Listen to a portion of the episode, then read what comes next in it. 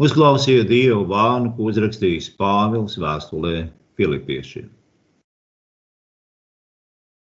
Lai jūsos ir tādas pašas domas, kā Kristu Jēzu, kas būdams Dieva veidā, neuzskatīja kā satveramu laupījumu būt vienādam ar Dievu, bet sevi iztukšoja, pieņēma skalpa veidu un tapis pēc cilvēka līdzības un būdams tāds pats kā cilvēks, viņš pazemoja sevi, kļūdams paklausīgs līdz nāvei, līdz pat krusta nāvei.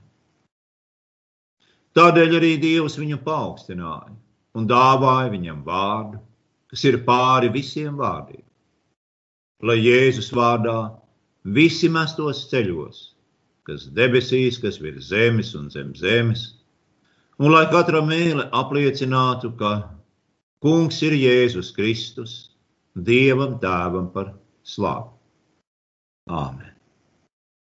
Svētajos rakstos vārds Izraels tiek lietots gan šaurākā, gan plašākā nozīmē.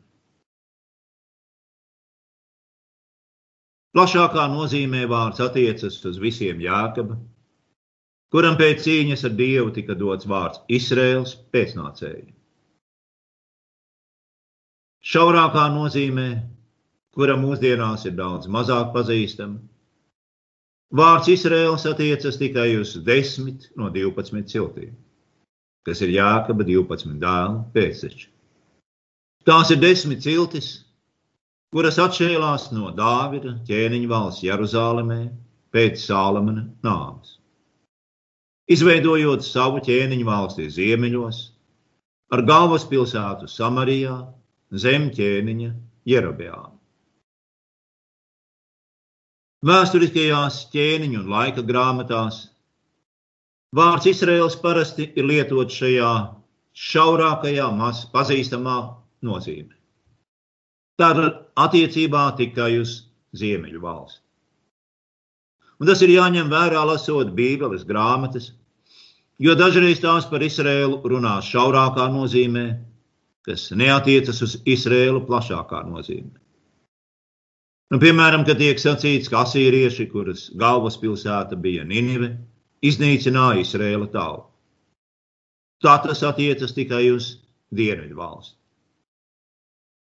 Kad lasām, piemēram, Jeremijas grāmatu, tad mums jāatceras, ka Jeremija darbojās dienvidu valstī. Tie jūdi, kuri nāca no dienvidu valsts, bija piederīgi Jūdas un Benjamīna cilti. Bet tā kā jūda bija lielākā un Benjamīna cilts maza, tad parasti abas šīs ciltis kopā sauca par jūdu, un vēlākajos gados par jūdeju. Un tās iedzīvotājs sauca par jūdiešu, no kā vēlāk tapa vārds jūda. Nu, piemēram, kad Jēzus vairās doties uz jūdeju, jo jūdi meklē viņa nokaut, tad tie, kas meklē viņu nokaut, ir jūdieši. Vārds jūdi vispārīgā nozīmē šajā gadījumā nav precīzs, jo tas noklusē atšķirību, kas ir acīm redzama teksta oriģinālā. Tādēļ nav iespējams ievērot, ka viena no galvenajām sadursmēm starp Jēzu un Jūdiem evaņģēlijos ir geogrāfiska. Jēzus ir no ziemeļiem. Un šādā nozīmē viņš nav jūdietis, bet drīzāk pieder Izraēla tautas pārpalikumam,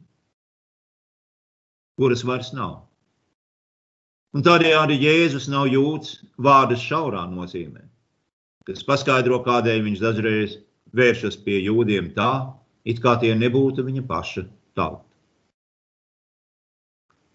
Protams, vārda plašākā nozīme, kādu mēs parasti lietojam mūsdienās, proti, kur jūds attiecas uz ikvienu izrēlieti. Jēzus pavisam noteikti ir jūds. Un kristiešu pestīšanas stāstā viss ir atkarīgs no tā. Ja Jēzus nav jūds, tad kristietība ir nepatiesa. Mūsu pestīšana nāk no jūdiem. Tomēr tieši tādēļ, ka viņš nav jūds agrākajā un vārdas šaurākajā nozīmē. Tas ir viņš nav no jūdejas. Evanģēlijā mācība, ka viņš pieder Dāvida namam, jūdas ķēniņu namam, un tādēļ pamatoti pretendēja uz Izraēla mesijas, jeb Kristus titulu, bija īpaši satriecoša vēsts sākotnējā kontekstā. Atšķirības starp izrēlieti un jūdu, lai gan tā vairs nav pazīstama mums, pavisam noteikti bija pazīstama gan pirmajiem jēzus sakotājiem, gan arī tiem, kuri mēģināja viņu noslapkavot. Šeit bija izrēlietis, Ziemeļvalsts praviešu, Elijas, Elīšas un Jonas sakotājs, kurš devās uz dienvidiem, uz Jūdeju, un ienāca tās galvaspilsētā kā triumfējošs ķēniņš. Tā it kā viņš būtu arī Dāvida un Sālamana pēctecis. Un viņš tāds arī bija. Jēzu bija dzīva pazudusī Ziemeļvalsts, un viņā bija dzīva arī zudusī Dienvidvalsts ķēniņu līnija. Viņā patiesi abas ķēniņu valstis ir augšām cēlušās, atkal apvienotas un kopā kļuvušas par vienu dieva valstību. Un tā bija Jēzus prasība, viņam iejājot Jeruzalemē uz ēzeļa. Kā Dāvida dēlam iejājot ar triumfējošu mieru pēc ienaidnieku sakaušanas, liekot pie malas savu kara zirgu un kara ratus, un šo Izraēla ķēniņa tēlu, kurš Dievs būdams pazemoja sevi par kalpu, apustulis Pāvils cieši sasaista ar kristieša dzīvi.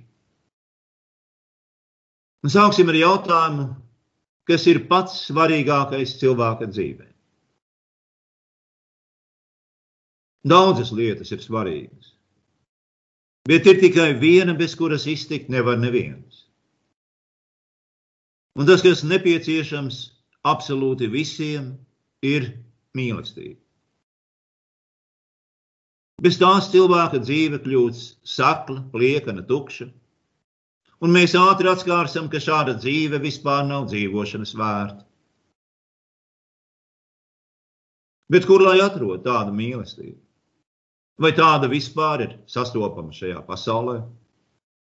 Vai tā nav tikai ilūzija? Tie ir jautājumi, kurus uzdod daudz maz nopietni cilvēki. Ja muļķis vienkārši domā, ka mīlestība ir pacelāts gara stāvoklis, emocionāls pacēlums vai kaut kas tam līdzīgs.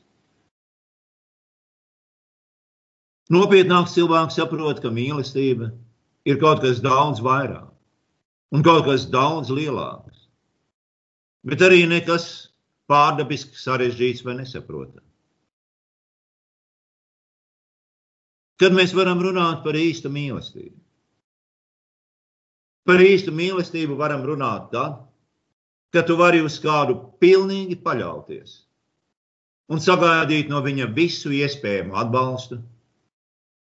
Arī tad, kad esi sadarījis virkni muļķību, ka tava dzīve ir praktiski sabrukusi, kad esi zaudējis visus savus draugus un veselību ieskaitot, un tavā galvā valda viena vienīga biesputra un hauss. Ja tā tev ir uz ko droši paļauties, tad tev ir mīlestība. Un tieši tā ir mīlestība, pēc kuras vismaz klusībā ilgojas viss. Bet kur gan šajā pasaulē tā notiek? Ījabam bija laba, krietna ģimene, bet, kad viņš zaudēja savu māju, mantu un veselību, Viņa sieva nesēdās viss blakus savam vīram pelnos, bet sacīja: Nolādi dievu un mirst. Un tas ir tas, ko mēs atrodam šajā pasaulē. Mūsu posts ir tas, ka mēs visi gribam ne tikai mīlestību, bet gribam arī dzīvot labi, justies labi un būt laimīgi. Tomēr laba jušanās parasti nav savienojama ar mīlestību. Un, ja nav mīlestības, tad nekāda labāka dzīve nelīdz. Jo tā nedod laimi. Laimi dod vienīgi mīlestība. Mīlestības raksturs ir tāds, ka tā nekad nav virzīta uz sevi pašu, uz to, kā es jūtos, kā man klājas, bet tā ir virzīta uz ārā, uz citiem cilvēkiem. Un tikai kalpojot citiem mīlestībā, mēs varam būt laimīgi. Jo tāda ir mūsu sūtība, tādēļ Dievs mūs ir radījis. Un, diemžēl, laime ir tas, pēc kā mēs ne tikai ilgojamies, bet ko mēs arī parasti noraidām. Pavisam vienkārši noraidām, liekot paši sevi pirmajā vietā, visa centrā, vēršoties uz sevi. Un tiklīdz tas notiek, cilvēks kļūst nelaimīgs. Un tur nespēja palīdzēt nekādi laicīgi, ārīgi līdzekļi. Varam meklēt izklaides, aizraujošu darbu, psihologu padomu, dzert zāles vai vienkārši šņabi, kļūt bagāti un ievērojami, bet laimīgi mēs nebūsim. Jo visi šie ārējie līdzekļi tikai notrūlina cilvēku, apdullina viņu un mazina, vai pareizāk sakot, neļauj tik skaudri just sāpes. Bet mieru nedod un laimīgu nedara. Notiek tieši pretējais. Cilvēks ar vienu dziļāk slīkst klusā, bezcerīgā izmisumā kas uz mirkli notrūlināts, beigu beigās eksplodē kā smaga iekšēja krīze. Un tas ir neizbēgami. Jo noraidot to, bez kā dzīvot nav vērts, cilvēks arī gribot, negribot, saprot, ka dzīvot patiešām nav vērts. Un te mēs redzam, cik ārkārtīgi dziļa dzīves patiesība slēpjas laulības solījuma vārdos priekos un bēdās, laimē un nelaimē. Lūk, tieši tā ir mīlestība, ka laulātajam ir ko droši paļauties pat tad, kad viņā pašaunis visapkārt viņam viss brūk. Kaut kas uz ko droši paļauties, viņa laulātais draugs.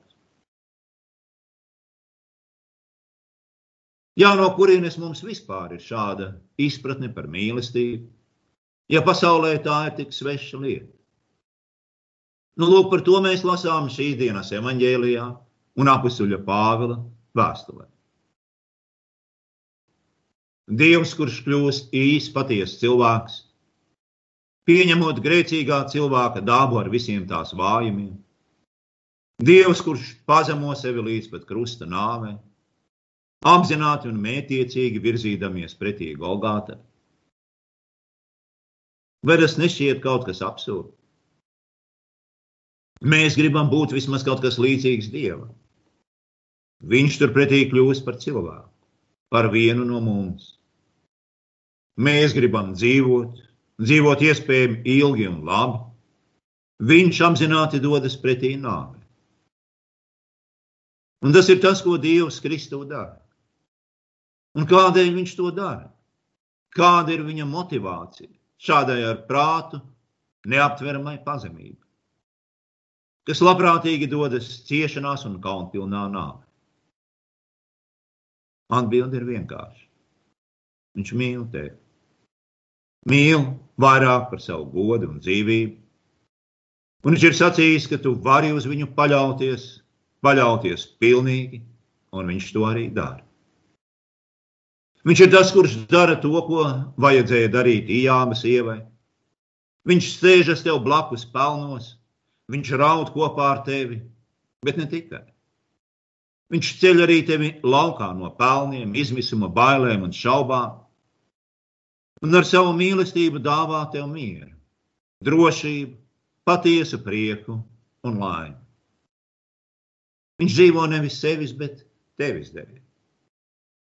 Un tu vienmēr vari būt pilnīgi drošs un pārliecināts, ka pat tad, ja viss tevī un apkārt tev bruks, viņš pastāvēs.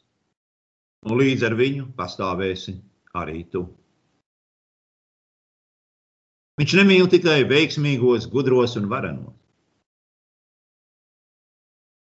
Viņš nemīl skaistos un izskatīgos. Bet visvairāk viņš mīl tos, kas ir zaudējuši visu un tie viņš pats kļūs par visu. Un tas ir daudz vairāk nekā prāts spēj saprast. Un tas ir tas, kas mums katru svētdienu tiek atkārtots pēc prediķa. Dieva miers Jēzu Kristu ir augstāks par cilvēka prātu un saprašanu. Kas ir tas, kas ir augstāks par prātu un saprašanu? Mūsdienās cilvēki mēdz domāt, ka prāts un saprāšana ir pats augstākais. Pats augstākais, kas vien var būt. Nē. Daudz augstāka par prātu un saprāšanu ir mīlestība. Tā ir pacietīga, labvēlīga, nav greizsirdīga, tā nelielās un nav uzpūtīga. Tā nav nepiedienīga. Tā nemeklē pati savu labumu, neskaišas un nepiemin ļaunu. Nepriecājas par netaisnību, bet priecājas par patiesību. Panes visu, uzticas visam, cer uz visu un iztur visu. Un pats galvenais - nekad nebeidzas. Cilvēka prāts un saprāšana neko tādu nespēja. Tas, kurš to spēj un dara, ir pati mīlestība, jeb Kristus, Dieva miers. Bet kas ir pats brīnumainākais? Viņš ne tikai žēlo un mīl mūs, nabaga nelaimīgos, bet viņš dara arī mūs sev līdzīgus. Un tas ir mīlestības varenais pārveidojošais spēks. Un tādēļ apustulis saka, lai jūsos ir tādas pašas domas kā Kristu Jēzu. Kas tās ir par domām, kas ir Kristu Jēzu? Tās ir mīlestības domas, kas izvēlas pazemības, paklausības un ciešanu ceļu tevis labā, lai glābtu tevi no vēlna, nāves un ēles. Un lūk, apustulis saka, ka tādām pašām domām ir jābūt arī tevī. Ja tādu nav, viņš saka, dzenieties pēc mīlestības. Vārds dzenieties šeit ir saprotams kā dzenieties pakaļ. Dzenieties pakaļ tai mīlestībai, kas ir Kristus. No mums, protams, netiek sagaidīts tas, lai mēs paveiktu to, ko paveikt spēja vienīgi Kristus. Bet no mums tiek sagaidīts, lai mums būtu tāda pati prāta ievirze, tādas pašas domas, proti, mīlestības domas, kalpošanas un pazemības domas. Senie kristieši to darīja, un pasaule brīnījās par viņiem. Tā brīnījās, jo tie ļoti mīl viens otru un stingri ievēro savaldību. Jā, atbild kāds otrā gadsimta teologs. Mēs esam viens miesā un dvēselē. Mēs nevilcināmies dalīties viens ar otru ar šīs zemes labumiem. Visas lietas mums ir kopīgas, izņemot mūsu sievas. Un kādēļ viņš tā saka? Tādēļ, ka grieķu romiešu pasaulē vīrieši nereti dalījās viens ar otru ar savām sievām. Un kā cits otrā gadsimta teologs saka, mēs dalāmies viens ar otru ar savu maltīti, bet ne ar savu laulāto draugu. Kādēļ es to saku? Tādēļ, ka nevis tas, kas kristietībai bija kopīgs ar pagānu pasauli, bet tieši tas, kas tai bija atšķirīgs, mīlestība un savaldība. Tieši tas radīja cieņu, respektu un pievilcību pasaules acīs. Nevis izdabāšana pasaulē. Pat viszemāk kritušais pagāns spēja novērtēt kristiešu mīlestību un savaldību. Piemērošanos pasaules standartiem, tā laika kristieši saprata kā atteikšanos no mīlestības, atteikšanos no Kristus. Un to viņi nebija gatavi darīt pat tad, ja tas prasīja laicīgo dzīvību. Dievs mūs ir radījis mīlestību. Un tā ir vienīgā lieta, par ko varam būt pilnīgi droši, ka tā mūs pavadīs mūžību. Viss paies. Mīlestība nebeigsies nekad. Un tādēļ, ka Dieva dēls atjaunoja mūsu dzīves mērķi, un darīja to iespēju. Dievs viņa pieņemtajai cilvēka dabai piešķīra dievišķu varu un godu. To, ko Valns mudināja nolaupīt dievam, Dievs tagad cilvēka dabai piešķīra pats. Tik augstu viņš, kurš pats ir mīlestība, vērtē mīlestību. Un Dievs ir gatavs atalgot arī tavu pazemīgo kalpošanu mīlestību. Ne jau tāpēc, ka tu pats vari ar to, ko nopelnīt, bet tāpēc, ka ticībā esi novērsies no pasaules kārībām un sakojis Jēzus pēdās. Ja pareizāk sakot, ļāvis Jēzum vilkt sevi pa mīlestības ceļu. Un tā beigu beigās tu tiksi aizvilkts līdz kaut kam īpašam. Kas tas būs? Nekāda jauna planēta, kur varēsi valdīt un kur tev būs simts sievas? Protams, nē. Bet mums ir jāatmet arī citi mēģinājumi iztēloties, kas tas būs. Kādēļ tā? Tādēļ, ka mūsu ticības alga būs dieva redzēšana. Un mēs būsim ne tikai dieva tūmā, bet būsim arī viņa draugi. Un mēs jau tagad tādi esam. Un tad mēs būsim pilnīgi. Ko tas nozīmē? Tas nozīmē, ka mēs ne tikai redzēsim Dievu, un mums tiks dāvāta mūžīga dzīvošana viņa klātienē. Protams, tas jau ir tik daudz, ka neviens to vēl nespēja ne saprast, ne aptvert. Bet ir vēl kāda cita lieta. Proti, Jāņa evanģēlijā tiek sacīts, kas man kalpo, lai sako man. Un kur esmu es, tur būs arī mans kalps. Kas man kalpos, to mans tēvs godās. Kas ir tas, uz ko Jēzus mūs aicina, un kas ir tas, ko viņš mums apsola? aicinot ticībā, sakot viņam pa mīlestības ceļu. Vispirms tas nozīmē nekalpot sev, neizdabāt savām iegribām. Lai kā apustulis saka, aizliegt pašam sevi, Kristus arī to saka. Bet sakot viņam un kalpot savam tuvāk. Un tas atkal nav nekas cits kā mīlestība, un tas ir tas, kas turpināsies mūžīgi. Bet tas, kas attiecas uz debesu godību, ir kas īpašs. Jēzus apsola, ka viņa kalpi dalīsies ar viņu viņa dievišķajā godībā un varā. Un turklāt viņš piebilst ko ārkārtīgi neparastu. Ticīgos godās viņa debesu tēvs. Tas ir dievišķs apsolījums, kas piepildīsies attiecībā uz tiem, kas kalpojuši un sakojuši Jēzum šīs zemes dzīves laikā. Tas, ka Dievs kādu godā, ir augstākais iespējamais gods, kas iespējams. Mēs tiecamies nereti pēc cilvēku goda, pēc šīs pasaules goda. Jēzus mums apsola dieva godu. Tā nav tikai mūžīgā dzīvība, bet tā ir dzīvības pārpilnība. Kaut kas tāds, kam nekas uz šīs zemes nespēja līdzināties. Un, protams, neko no tā Jēzus sekotājs nevar iegūt pats no sevis ar savām pūlēm. Tā ir vienīgi tēva diženās žēlsirdības un laipnības pilnā sirds, kas par cilvēka niecīgo un vājo sekošanu un kalpošanu viņa dēlam, apsola piešķirt šādu ar prātu neaptveramu dāvanu. Pats debesu tēvs tādu godās. Ir iespējams saprast to, ka cilvēks godā Dievu. Bet tas, ka Dievs godā cilvēku, ir tik pārsteidzoši, ka prāts apmūs. Un tajā pašā laikā cilvēks kļūst neizsakāmi laimīgs, svētlaimīgs, pilns ar dievišķu mīlestību, kuras dēļ viņš arī tika radīts. Āmen!